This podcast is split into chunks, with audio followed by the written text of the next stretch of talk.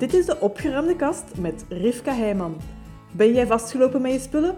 Helemaal welkom, want als voormalig rommel komt, kan ik er namelijk van meespreken. Daarom dat ik deze podcast maakte als baken van hoop voor andere chaoten en als geruststelling dat er leven bestaat na de rommel. Leuk dat je luistert. Welkom in een nieuwe podcast met een nieuw inzicht. Want ik heb weer iets meegemaakt waar dat ik jou hopelijk een beetje ben op vooruit gegaan op de weg die jij misschien ook nog aan het stappen bent of aan het ervaren bent.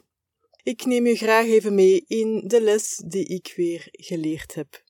Vorig weekend was er eindelijk na twee jaar terug een repaircafé in mijn gemeente dat effectief doorging door al het, uh, de virusjes die rondzweefden, is dat de afgelopen twee jaar telkens afgelast. En dus, wat betekende dat, uh, die afgelaste repaircafés? Dat betekende dat ik al twee jaar lang in mijn garage een, een uh, ja, oud uitziende radio had. En die werkte niet meer. Ik had die in het allerlaatste weekend voor de eerste lockdown in 2020 meegekregen van iemand die zelf dus de, het geduld op was. En um, die zei van, neem het gewoon mee dat het hier weg is. En ik dacht, ja, ik ga dat niet gewoon bij het containerpark steken. We gaan nog proberen of dat, hersteld kan worden en um, dan kan ik het verder doorgeven. Goed en wel, toen kwam dus heel het corona-hoofdstuk van, uh, ja, waar dat we zijn doorgegaan al. En twee jaar lang heeft die een bak echt in mijn garage gestaan. Het was ook een houten omhulsel dat hij had. Daar is in die afgelopen twee jaar een kap ook ingekomen van iets dat daar is opgevallen. Ik heb geen idee hoe dat is gebeurd. Ik stelde gewoon vast uh, onlangs dat er een kap in zat. En nu kon ik er dus eindelijk mee naar een repaircafé. Joepie, ik daar naartoe. Dat was al een goede wandeling, want ik durfde het niet op de fiets mee te nemen. En dus na een mooie wandeling met die radiobak uh, in mijn handen. Dat is ook zo'n ding waar dat je een platenspeler op kunt spelen, zelfs nog een cassetje en zo. Dus het was echt wel een bakbeest, vond ik. Dus daar naartoe. Ik was zelfs een goed kwartier te vroeg voordat het open ging, maar er waren al drie wachtenden voor mij. Dus dat betekent dat ik al nummer vier was. Uh, degenen die daar aan het wachten waren, we begonnen een beetje te praten. Kreeg ook reactie op uh, mijn radiobak die dat ik vast had. was één man die heel enthousiast was. En die ook heel lovend was over het model en hoe mooi dat die niet was. En zelfs als die niet hier hersteld kon worden, dan nog had hem, um, ja, gewoon omwille van de looks van mijn radiobak. het is duidelijk dat dat niet mijn ding is, hè, niet mijn passie. Uh, had die man nog altijd interesse erin om het in zijn mancave te zetten om daar dus gewoon van het zicht te genieten van uh, die, die machine. Dus na een dik uur wachten, hè, dat, die vorige, dat de mensen die voor mij waren aan de beurt waren, was het eindelijk aan mij. De man van het repaircafé heeft zijn best gedaan echt, is er een goed half uur ja, aan bezig geweest om uit te zoeken van waar mankeert wat hier dat ervoor zorgt dat we alleen maar plop, plop, plop, plop, plop horen als je op de aanknop duwt. Hij stelde vast, um, ja, de transfo is eraan of het onderdeel net voor de transfo. Ik ken er allemaal niks van, maar mijn conclusie was, oké, die radiobak is dus nog altijd kapot. Er moet een onderdeel van vervangen worden en het is ofwel onderdeel A ofwel onderdeel B. Ik wil dat ding, zelfs als dat werkt, heb ik niet de intentie om dat ding in mijn living te zetten of om te gebruiken. Ik heb geen platen, ik ga daar ook niet mee beginnen. Dus dat is niet een, een voorwerp dat ik in mijn living wil bijzetten. Ik wou het eigenlijk gewoon kunnen verder geven in een werkende staat. Dat was mijn doel.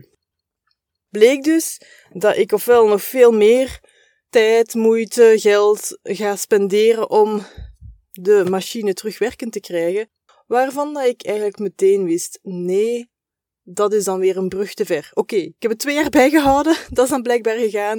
Ik wist natuurlijk ook niet op voorhand dat het twee jaar ging duren, maar um, om daar nu nog eens het juiste onderdeel voor te gaan zoeken ergens of te gaan online zoeken en bestellen en hopen dat het het juist is, daar ga ik me niet mee bezighouden. Dus uh, die meneer met wie dat aan het wachten had uh, aan, de, aan het repaircafé, die had ook gezegd van hier is mijn nummer, bel mij zelfs als hij niet gemaakt kan worden. Ik bel naar die meneer in de loop van de dag om te zeggen, ja, dat is er mogelijk kapot, het is een van die twee dingen. Wilt je hem nog hebben?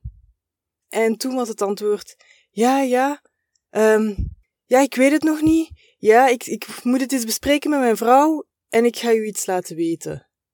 Dat is ondertussen uh, vier dagen geleden en ik heb hem nog altijd niet gehoord. Um, ja, wat besluit jij daaruit als je dit zo hoort? Voor mij is de optelsom van heel oh, mijn radio saga, is ja, als ik het zo allemaal naast elkaar zet, dan is de conclusie echt wel van dat het een stuk het is een leerweg geweest, absoluut. Maar bijvoorbeeld de plaats die ik twee jaar lang in mijn garage aan die machine heb gegeven, is het helemaal niet waard geweest. Ik sta vandaag even ver als twee jaar geleden. Ik kan nu de machine wel online smijten en zeggen van oké, het is de transfer of het onderdeel ervoor dat niet werkt. Ik denk niet dat dat zoveel verschil gaat uitmaken. Het punt blijft dat hem niet werkt. Het is een kapotte machine die er gewoon nog mooi uitziet en die sommige mensen, zoals die meneer die dat ik sprak bij het repaircafé, dat die dat gewoon voor het zicht graag wel nog zou willen ja, als decoratie gebruiken. Dus niet functioneel als een werkende machine, maar gewoon decoratief in zijn huis. Dus alleen op die manier kan het nog een verder leven leiden. Nu, dat had ik twee jaar geleden ook kunnen doen. en ja, is een lange les geweest, um, maar ik haal er echt ook wel uit dat ik, dat ik mag vertrouwen eigenlijk op mijn buikgevoel en niet dat kopje dat er altijd tussen komt met ja, maar dit, ja, maar dat. En als je het nog kunt herstellen, dan dat. Ja, als dat had gekund, was dat heel leuk geweest. Maar is het eigenlijk die twee jaar minder plaats hebben, is dat telkens weer als een repaircafé werd afgelast de teleurstelling waard geweest van, ah, oh, nu staat het nog langer hier. Nee, dat is het niet waard geweest. En dus, mijn besluit is nu, zo snel mogelijk online zwieren, tenzij dat die man mij nog heel snel iets laat weten dat hij hem toch als decoratie ja, wilt overnemen. Maar anders, uh, daar ga ik niet op blijven wachten. Ik ga er een paar, paar foto's van nemen. Ik gooi er een beschrijving ook bij. En uh, mijn radiobak vliegt online als decoratie. En dan hoop ik dat er iemand wel bereid is om er vooraf te komen. En, en het nog een, zo op die manier een volgend leven te gunnen. Is dat niet het geval, dan betekent het dat ik al twee jaar lang een object heb bijgehouden van een halve vierkante meter ongeveer, dat gewoon naar het containerpark moest gebracht worden. Ik hoop dat je hier iets kan uithalen dat je kunt meenemen of kunt doorvertalen naar je eigen leven voor een voorwerp dat jij misschien ook al een hele tijd aan het bijhouden bent, aan het wachten bent op iets, een volgende stap of misschien een persoon die eindelijk zegt ja, nu mag het komen. Maar als je dit al een redelijke tijd hebt bijgehouden en het komt er maar niet van, die volgende stap, dan is het oké om grenzen te stellen. Dan is het oké om een gesprek aan te gaan en te zeggen: Lieve persoon, ik hou dit al x tijd bij voor jou. Ik wil ook verder bij mij thuis. Ik ben bezig met loslaten. Ik ben bezig met opruimen. Dit is een van de dingen die ik tegenkwam en ik zou dit graag tegen, bijvoorbeeld volgende maand, wil ik dit graag wegdoen. Dat betekent ofwel dat jij het neemt, dat jij plaats maakt, dat jij ervoor zorgt dat jij er een andere oplossing voor vindt dan dat het bij mij thuis blijft staan. Dus je hoeft niet van de ene dag op de andere dag iemand voor een voldongen feit te, te zetten. Dat hoeft absoluut niet. Maar het is wel goed om te communiceren over hoe dat jij je voelt.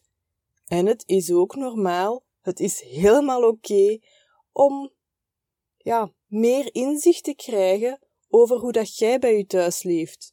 Dus als dat betekent dat jij nu vandaag zegt van ik ben niet meer bereid om hier zoveel spullen van mijn kinderen, van mijn volwassen kinderen bij te houden, tot op de dag dat ze misschien ooit verhuisd zijn, dat ze groter wonen, tot op de dag dat ze misschien kindjes krijgen, tot op de dag dat ze aan die volgende stap geraken, dan mocht je zeggen tegen die personen, tegen uw kinderen, lieve schat, ik zie u heel graag, ik ben ook bezig met uh, het leven met thuis te vergemakkelijken.